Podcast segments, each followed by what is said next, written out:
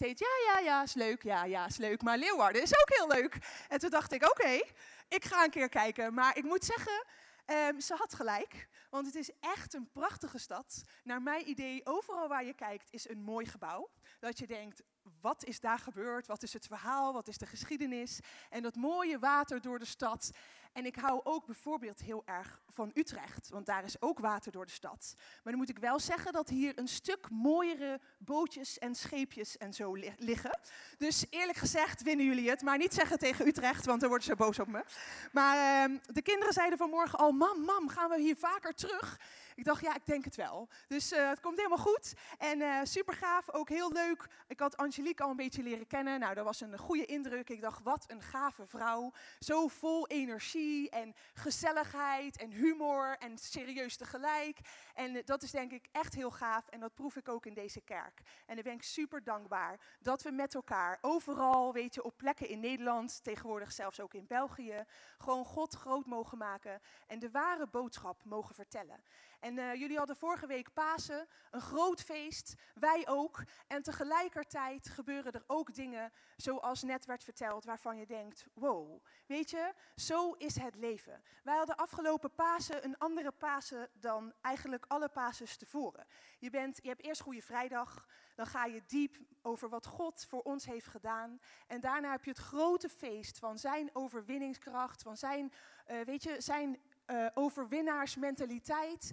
En tegelijkertijd lag uh, de moeder van Pastor Mathilde, zij is de voorgangersvrouw van Den Haag, lag op sterven. En dat was al heel anders voor ons als team, want je leeft met elkaar mee. Je kent haar, zij zit ook in de kerk. En um, nou, op dit moment zijn ze afscheid aan nemen, denk ze dat het vandaag of morgen gebeurd is. En dan zit je toch wat anders in je diensten. En ik zou haar vervangen op het podium. En echt een minuut voordat ik opga, krijg ik een telefoontje dat mijn tweejarige neefje met spoed opgenomen wordt in het ziekenhuis. En dat hij zit te vechten voor zijn leven. En dan denk je, hè? Aan de ene kant heb je Pasen, een groot feest, we hebben er zoveel naar uitgekeken. En aan de andere kant heb je zulke reële situaties, juist situaties waar Jezus voor aan het kruis is gegaan. Maar dat geeft soms zo diversiteit in het leven dat je denkt, oké Heer, nu geloof ik dat ik wat ik allemaal hier vier in praktijk moet gaan brengen. En dat is soms nog niet zo makkelijk. Soms vraagt dat meer van ons dan dat we zo met onze lippen beleiden als we in de paasdiensten staan. En ik denk dat ik afgelopen week daar eens nog, nog eens extra bij stil werd gezet. En gelukkig is mijn neefje afgelopen donderdag weer naar huis gegaan. Uh, is als het goed is, heeft hij het virus overwonnen en gaat het nu allemaal gewoon de goede kant op. Maar die vier, vijf dagen waren super spannend en zetten alles in het perspectief. En dan denk je, juist nu hebben we Jezus zo nodig. Zijn kracht, zijn opstandingskracht is zo reëel op zo'n moment. Maar je wordt soms zo geleefd op zo'n moment dat je ergens ook gewoon heel bewust daarvoor moet kiezen. En ik denk dat het leven zo werkt. En ik werd van de week daar ook lekker aan uh, herinnerd. Er was een nieuwsberichtje, misschien hebben jullie het allemaal wel gezien, in uh, Nederland, heel Nederland. Ik geloof dat, uh, dat we hem ook bij ons hebben. Dus mag hij op de beamer. En daar staat dat ehm, wij Sahara-zand in ons, uh, in, op onze auto's konden krijgen, op onze tuinmeubels. Dus uh, we hadden een lekker zonnig weekje. Kijk, daar zie je het. Sahara-zand boven Nederland kan voor stoffige auto's zorgen. We hadden eigenlijk een van de mooiste weken qua weer. Maar tegelijkertijd kwam de woestijn ons bezoeken. Kwam het Sahara-zand op onze, uh, in onze mooie tuinen, op onze mooie tuinterrassen. En ik dacht, dat is zo hoe het in het leven werkt. Een prachtig zonnige dag en tegelijkertijd word je geconfronteerd dat er ook woestijnen zijn. En dat er ook seizoenen zijn waar we af en toe doorheen moeten. En die wisselen elkaar af in dit leven. En zo is het leven hier. Ik geloof niet dat het Gods plan was. Gods plan was dat we in een paradijs zouden wonen, dat alles goed zou gaan. En dat heeft hij opnieuw voor ons gemaakt. Als we overlijden, zullen we daar weer zijn. Maar op dit moment is het niet zo in de wereld. En God heeft de overwinning behaald. Hij heeft laten zien, ik heb de overwinningskracht. Maar ondertussen zal je wel dingen tegenkomen. Soms heel mooi en soms een stuk minder mooi. En daarom heb ik uh, een uh, interessant onderwerp uitgekozen. Zeker als vrouw moet je altijd voorzichtig zijn om over dit onderwerp te spreken. Maar daarom heb ik mijn man ook meegenomen, dus komt het helemaal goed. Want ik ga het hebben over de Dakar Rally uitracen. Ik heb wat foto's meegenomen van de Dakar Rally. Dat is een rally dwars door de woestijn. En daarom de link met het Sahara-zand. Je ziet daar auto's dwars door de woestijn heen rijden. Sommige mensen vinden dat leuk. Die maken daar een hobby van. En zo is het ook met ons leven. De een gaat door een woestijn en dan denk je echt, nou, het lijkt alsof ze het zelf wel een beetje leuk vinden. Die zien daar een uitdaging in. En de ander die ligt met zijn, grond, uh, met zijn neus in, de, in het zand te happen en te ploeteren en denkt, hoe ben ik hier beland? Nou, je hebt verschillende mensen en verschillende reacties op dit soort dingen. Je ziet hier een aantal foto's. Op Wikipedia staat de Dakar Rally is een rally voor auto's, vrachtwagens, quads en motoren die jaarlijks wordt gehouden in de maand januari. De rally wordt gereden door de Zuid-Amerikaanse woestijn. En ik denk dat de Dakar Rally best wel het een en ander aan ons kan leren over de race die wij in ons leven aan het afleggen zijn. Weet je, soms is het zo mooi om te beginnen. Denk je, yes, vandaag hebben we er zin in. Weet je, soms is het zo mooi om daar te starten. Maar je gaat een verschil zien tussen enthousiasme en geloof op het moment dat het een beetje zanderig wordt. Als je start, heeft iedereen er zin in. Iedereen is enthousiast. Iedereen denkt, yes, we gaan dit doen. Maar ergens halverwege komt er zo'n keerpunt. Voor de een kan dat zijn na 10 meter, voor de ander kan dat zijn na 10 kilometer, voor de ander kan dat zijn naar duizenden kilometers. Maar ergens komt er zo'n punt dat je denkt, wow, dit wordt even zandhappen. En uh, als je denkt, nou ja, waar gaat dit heen? Is dit wel bijbels? Ik heb er ook een tekst voor jullie bijgezocht, omdat ik weet, weet je, wij hier in het noorden houden van stevige bijbelteksten, toch? Dus hier in 1 Korinthe 9, daar staat, ik doe alles voor het evangelie en ook zelf om ook zelf aan de belofte ervan deel te krijgen. Weet u niet dat alles van de atleten die in het stadion een wedloop houden, er maar één de prijs kan winnen? Nou, Jezus heeft die prijs al gewonnen, dus maak je, maak je geen zorgen. Wij allemaal kunnen die prijs winnen in Jezus. Ren als de atleet die wint. Iedereen die aan een wedstrijd deelneemt, beheerst zich in alles. Atleten doen het voor een vergankelijke erekrans, wij echter voor een onvergankelijke. Daarom ren ik niet als iemand die geen doel heeft, vecht ik niet als een vuistvechter die in de lucht slaat. Ik hard mezelf en oefen me in zelfbeheersing, want ik wil niet aan anderen de spelregels opleggen om uiteindelijk zelf te worden gedisqualificeerd.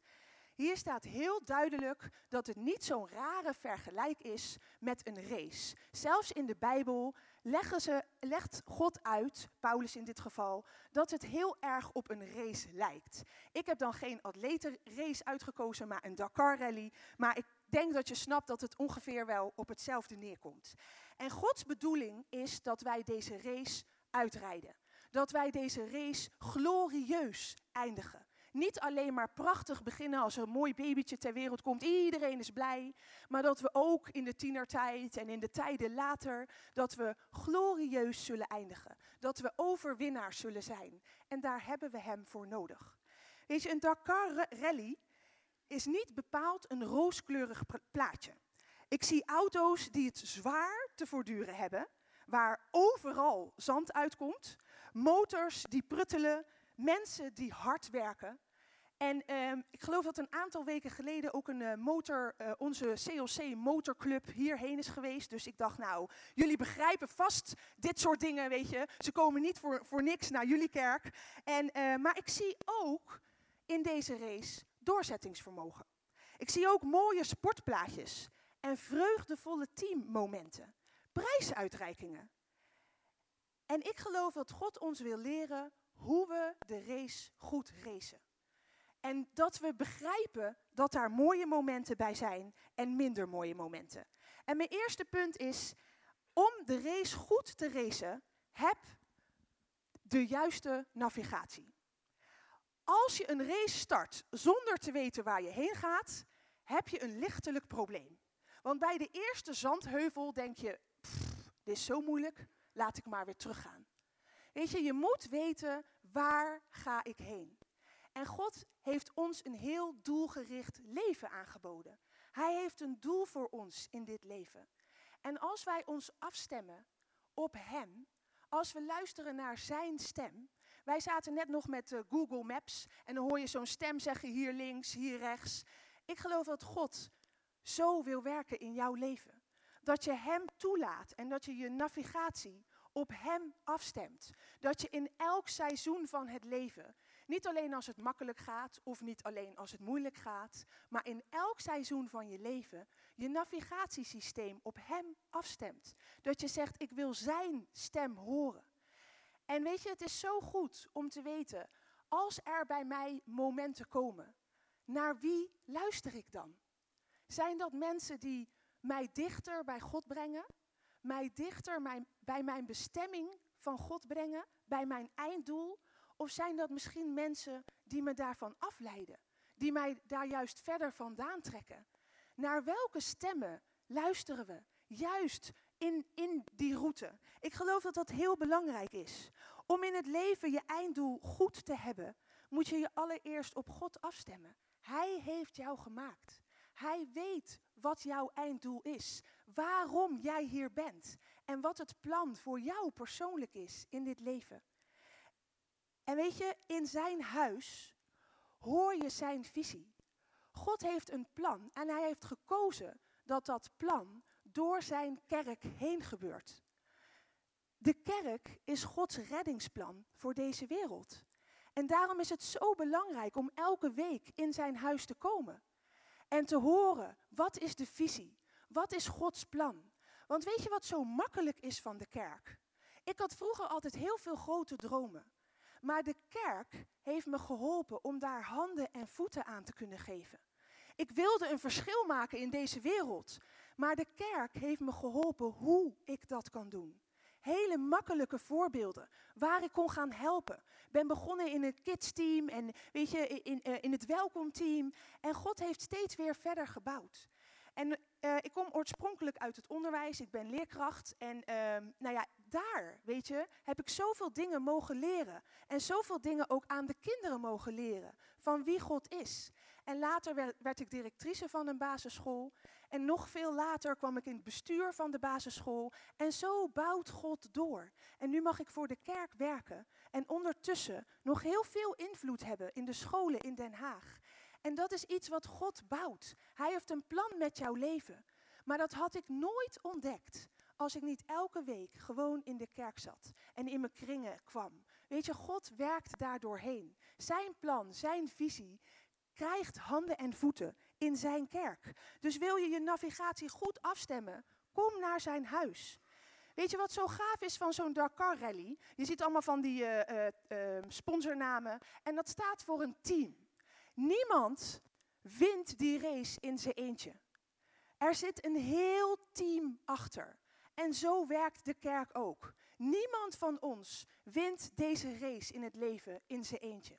God wil dat je bij een familie hoort. Dat je in zijn kerk, in zijn huis, een onderdeel bent. En dat je een stukje verantwoordelijkheid draagt voor het team. Dat jij iets doet. Misschien verwissel jij de banden. Misschien haal je zand uit de motor. Misschien rijd jij de auto. Geen idee. Misschien plan jij vooraf de, de route. Geen idee. Maar God heeft een plan voor jou om je navigatie heel goed op koers te houden. En dan het tweede punt. Als je dan je navigatie goed hebt afgestemd, dan zou ik zeggen, geen zandhappen, maar doorgaan. Weet je, starten is heel makkelijk, zei ik al. Maar dan kom je onderweg en dan begint het eigenlijk pas. Als er wat zand in je motor komt en denkt, oh, maar dit had ik niet gepland, dit had ik niet voorzien, dit had ik niet bedacht. De race gaat altijd dwars door de woestijn heen. En soms vlieg je over heuvels en een andere keer knal je op een heuvel. Maar God wil dat je doorgaat. Weet je, daar wordt pas zichtbaar wat de auto echt waard is. En dat is ook in ons leven zo. Juist in die moeites wordt pas zichtbaar wie jij echt bent. Naar wie ga jij toe in die seizoenen? Weet je, ik zei van de week lag mijn neefje heel spannend. En ergens, heel diep, dacht ik, maar de enige die kan helpen is God. En dan roep je het naar hem uit. En ik geloof dat dat aangeeft, weet je, waar heb je jouw koers op bepaald? Ik dacht, Heer, ik weet niet hoe dit afloopt, maar u weet het wel. En het zal goed zijn. En hoe dat goed er precies uitziet, geen idee. Maar u hebt een plan. En u gaat hier doorheen. En juist dan is het zo belangrijk om geen zand te happen. Als je op dat moment naar de situatie gaat kijken om je heen, is het één doffe ellende. Maar dat is niet wat God wil. Kijk omhoog, kijk naar je einddoel. Ga geen zand lopen happen, maar zeg: Oké, dit is niet leuk, maar ik sta op en ik ga verder. En ik geloof dat God daar dwars doorheen werkt. En er staat in Exodus 14, vers 8. De Heer zorgde ervoor dat de farao, de koning van Egypte, onverzettelijk bleef, zodat hij de volgelingen van de Israëlieten inzette, die onbevreesd vertrokken waren. Hier staat duidelijk in de Bijbel dat ook het volk van Israël onbevreesd vertrokken. Heel vaak beginnen we er goed aan, maar net zoals zoveel kwamen zij ook dikke problemen tegen. Iets opstarten is nooit het probleem, maar het afmaken, daar zit zo'n enorme kracht in. En weet je wat grappig is? Ze hadden hun navigatie goed afgestemd. Het volk van Israël, als ze tegen een probleem aanliepen, gingen ze naar God. Toen ging dat nog via Mozes. Tegenwoordig mogen we gewoon rechtstreeks God benaderen. Hoe bijzonder en hoe mooi dat we dat kunnen en mogen doen. Maar daar staat iets heel bijzonders. Ze deden dus het goede. Ze gingen naar God toe. En dan staat er, de Heer zei tegen Mozes, waarom roep je mij te hulp? Zeg tegen de Israëlieten dat ze verder trekken. En toen dacht ik, huh? Wacht even hoor. Ze vragen God om hulp. Naar mijn idee is dat heel goed om te doen. Het beste gebed wat, wat je kan bidden is: Help, Heer, ik weet het even niet meer, kom mij te hulp. En dat staat ook in de psalmen, dus dat mag gewoon, dat heeft God ook duidelijk in zijn woord gezegd. Maar in deze tekst zit een enorme sleutel. Er staat namelijk: Ga door. Zeg dat ze verder trekken. Ik geloof dat daar een enorme sleutel in zit. Tuurlijk mag je God om hulp vragen. Tuurlijk mag je in seizoenen zeggen: Heer, ik snap dit niet meer, ik vind het moeilijk. Gooi het er allemaal uit bij God. Dan heb je je navigatie goed afgestemd. En dan zegt God: ga door. Trek door. Dat is wat hier staat. En ik dacht: wauw. Weet je, het stopt pas als jij stopt. God wil dat het doorgaat, verder gaat. En dat mag met vallen en opstaan. Geen probleem. Maar er staat duidelijk ook in Psalm 23: ga door het dal van diepe duisternis. Er staat niet, blijf daar lekker kamperen de rest van je leven. Ga daar lekker zitten uh, gedijen. Nee, er staat door het dal van duisternis. Als er dingen zijn die moeilijk zijn, sta weer op. Ga verder. Loop door. En dat gaat door seizoenen heen. In 2 Korinthe 6, vers 4. We willen juist laten zien dat we dienaren van God zijn. Door altijd te volharden. In tegenspoed, nood en ellende. Weet je, God weet zo duidelijk dat wij in dit leven door dingen heen gaan. En misschien zit jij in een enorm glorieseizoen. Heb je net de liefde van je leven ontmoet? Is het allemaal roze geur en maneschijn? Maar helaas weten we ook dat er misschien iemand naast jou zit. Of misschien volgende week dat kan veranderen, waar dat heel anders voor is. En dan is het zo belangrijk om deze dingen te weten. Wat zegt God? God zegt: ga door. Ook in tegenspoed. Ik ben bij je. Ga door. Je kunt het. Ik sta naast je. Ik ben jouw grootste bemoediger. Juist op die momenten. En als je daar nog een beetje aan twijfelt, heb ik een aantal teksten voor je even achter elkaar gezet waar dat in staat. Weet je, God weet dat wij door dingen heen gaan. En hij heeft zijn Bijbel volgezet met teksten waaraan we weten wat moeten we dan doen. In 2 Thessalonicense vers 3, 3 vers 13 tot 15. Broeders en zusters, doe het goede zonder op te geven.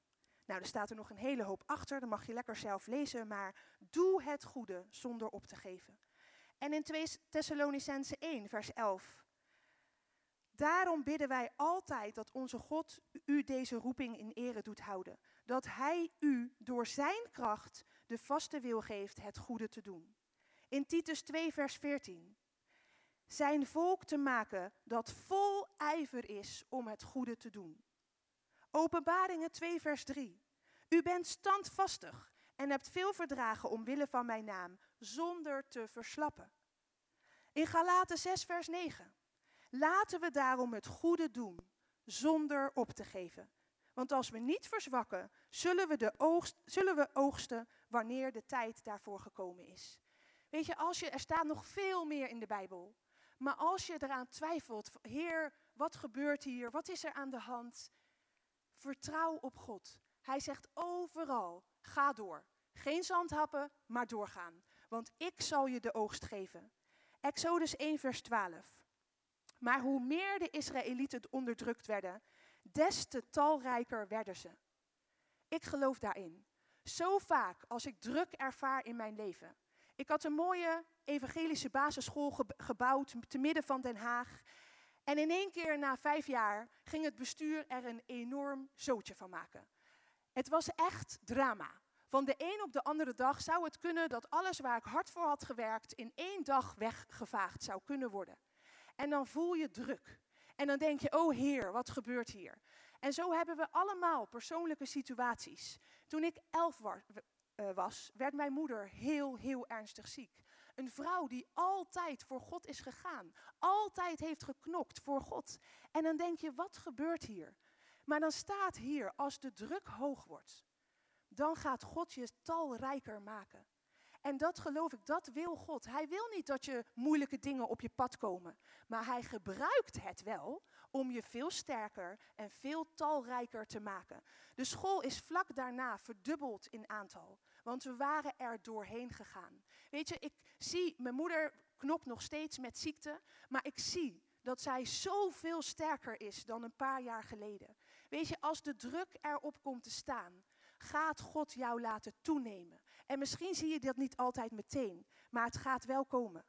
En de, zorg ervoor dat je geen zandhapper wordt, maar vruchtbaar en talrijk. Dat is Gods plan. En natuurlijk hebben we seizoenen waar je gewoon even goed voor jezelf moet zorgen. Dat is ook heel reëel. Het is niet alleen maar geloven en gaan en doorgaan en je komt er wel. Weet je, dat, dat preekt Emiel Ratelband ook. En dat is ook niet helemaal goed afgelopen, want dan mis je de kern. Je mist de kern van wie God is en hoe Hij ook in jouw situaties heel persoonlijk je emoties, je verwerking, je teleurstellingen wil ontmoeten. Maar je hebt God daarvoor nodig. En dat is mijn derde punt. Regel een goede pitstop. Ik geloof dat de beste pitstop is om bij God te zitten. Maar je hebt ook mensen om je heen nodig. Mensen die van God houden die jou de goede kant op helpen. En daarom doen we dingen als kringen. Omdat we weten, weet je, je bouw je relatie met God, maar ook met mensen om je heen die God kennen. En daar werkt God zo onwijs doorheen. Juist als het moeilijk is onderweg. Misschien in je huwelijk, misschien in je gezin, misschien een vriendschap, of in je karakter, of voor je leven. Zijn er moeites. Maar ga naar God. Ga naar de mensen die jou helpen de goede kant op. En er zijn een aantal dingen, die noem ik nog even heel kort, die jou kunnen helpen om de pitstop even goed te benutten. Soms heb je een pitstop nodig. Heb je gewoon even een plek nodig om op te laden. Dat is prima. Dat is oké. Het is zelfs heel dom om dat niet te doen. Er zijn zoveel races dat mensen pitstops gingen overslaan. En binnen no time hadden ze hele uh, kapot gescheurde banden. En ging het allemaal niet goed. Weet je, pitstop heb je nodig. Dat is belangrijk. Je mag af en toe even op adem komen. Even bij God. Weet je, dat is zo belangrijk. En het eerste is praat met Hem. Bespreek je teamtactiek met God. Wat gebeurt hier? Waar ga ik heen? Wat was ook alweer mijn einddoel? Wat wilt u ook alweer met mijn leven? Praat met God. Bespreek de teamtactiek. En het is zo belangrijk om je mond open te doen. Spreek hoop. Spreek geloof. Als ik druk ervaar, spreek ik altijd die tekst die ik net heb gezegd. Heer, als er druk is, zal het toenemen in vrucht, in aantal. Ik ga uitspreken de goede dingen. Weet je wat de vijand nodig heeft? Het enige wat hij nodig heeft is dat goede mensen hun mond dicht houden. God heeft je een mond gegeven om te spreken. Wat zo apart is, is dat mensen die van alles te zeggen hebben. kritiek of dingen waar ze het niet mee eens zijn, die praten altijd wel. Maar de mensen die het goede, hetgene wat in Gods woord staat, spreken, die zijn keihard nodig. God roept jou op, juist als je een pitstop nodig hebt, om te zeggen: spreek mijn woorden. Spreek het goede. Doe je mond open. Naar jezelf, naar anderen toe. Dat is wat God nodig heeft om zijn koninkrijk verder te bouwen. En je emoties moeten eruit. Dat moet besproken worden. Maar doe dat bij God of bij je leiders. Weet je, doe dat omhoog. Zodat het jou ook weer omhoog trekt. Als je allemaal mensen zoekt die het ook allemaal heel moeilijk en heel zwaar hebben, dan ga je zand happen. Het is de bedoeling dat je iemand in een pitstop die daar fris staat en die zegt: hé, hey, je hebt gewoon even nieuwe banden nodig of nieuwe olie en we komen er wel. Dat soort mensen heb je nodig, die Gods woorden over jou spreken, die Gods bestemming in jou zien. En daarom is het zo belangrijk om een kerk, een kring, weet je, vrienden om je heen te hebben die God kennen. En staat in Psalm 32, vers 8. Ik, God, geef inzicht en wijs de weg die je moet gaan. Ik geef raad. Op jou rust mijn oog. En het tweede wat je moet doen als je even een pitstop nodig hebt, lees in zijn woord. Geloof het en pas het toe. Niet alleen maar denken, oh ja, is mooi geschreven allemaal. Het is voor jou persoonlijk. God wil daar iets mee zeggen. Hij wil jou activeren. En dan zie je in Psalm 92. My ears are filled with the sound of promise. Zijn jouw oren gevuld met zijn beloftes? Als jij op een moment zit van pitstop, zijn jouw oren gevuld met zijn beloftes. En Psalm 91. I'll get you out of any trouble. I'll give the best of care. If you only get to know and trust me. God vraagt, please, leer mij kennen in dit seizoen. Alleen maar als je mij leert vertrouwen, dan kan ik daar doorheen werken. En weet je, ik zeg het nogmaals, die seizoenen, ik geloof niet dat God dat leuk vindt of dat hij dat heeft bedacht voor ons. Maar hij wil je er sterker doorheen maken. Hij trekt je uit elk probleem. En Genesis 19, vers 17. Kijk niet om en sta nergens in de vallei stil. Nogmaals zegt hij, sta niet stil. Kijk niet om. Ga vooruit. Kijk naar mijn beloftes. Kijk naar wat ik voor je heb. Ik heb een goede toekomst voor je. Met Pasen hebben we dat gevierd. God heeft een goede toekomst voor ons. Kijk daar naartoe. Want je karakter kan juist groeien in de vallei. Ik weet niet of dat je wel eens gekeken hebt in bergen, maar in de vallei groeien vruchten, niet op de bergtoppen. En zo is het ook met ons karakter. Ons karakter groeit in vrucht in de vallei. De bergtoppen zitten we dik te vieren, is allemaal leuk, maar de vruchten komen in de vallei. En de laatste, raadpleeg wijze, God gegeven raadgevers. Ik zei het net ook al. Spreuken 24, vers 6. Je zegen viert dankzij een keur aan raadgevers. Maak je voor de verandering eens zorgen over de goede mensen. Ik weet niet hoe dat bij jou zit, maar ik maak me altijd zorgen over mensen die eigenlijk niet zo leuke dingen over me zeggen. Of die eigenlijk, weet je, altijd wel iets hebben. Maak je zorgen om de goede mensen. God trekt je dwars daaruit. En wees juist dan een zegen voor een ander. Er staat in Exodus 2, vers 15. Een situatie waar Mozes diep, diep in de put zit. Mensen wilden hem doden. Ik weet niet of dat hier mensen in de zaal zitten, maar meestal is het niet zo erg dat mensen je naar het leven staan. Af en toe wel, maar meestal niet. Maar Mozes zat daar. Ze wilden hem dood hebben. En hij zat letterlijk bij een put. En dat vind ik zo mooi, want God geeft daaraan aan. Als je in de put zit, als je bij een put zit, wat moet je dan doen? En dan staat er in vers 15: Daarop schoot Mozes hun te hulp en gaf het vee te drinken.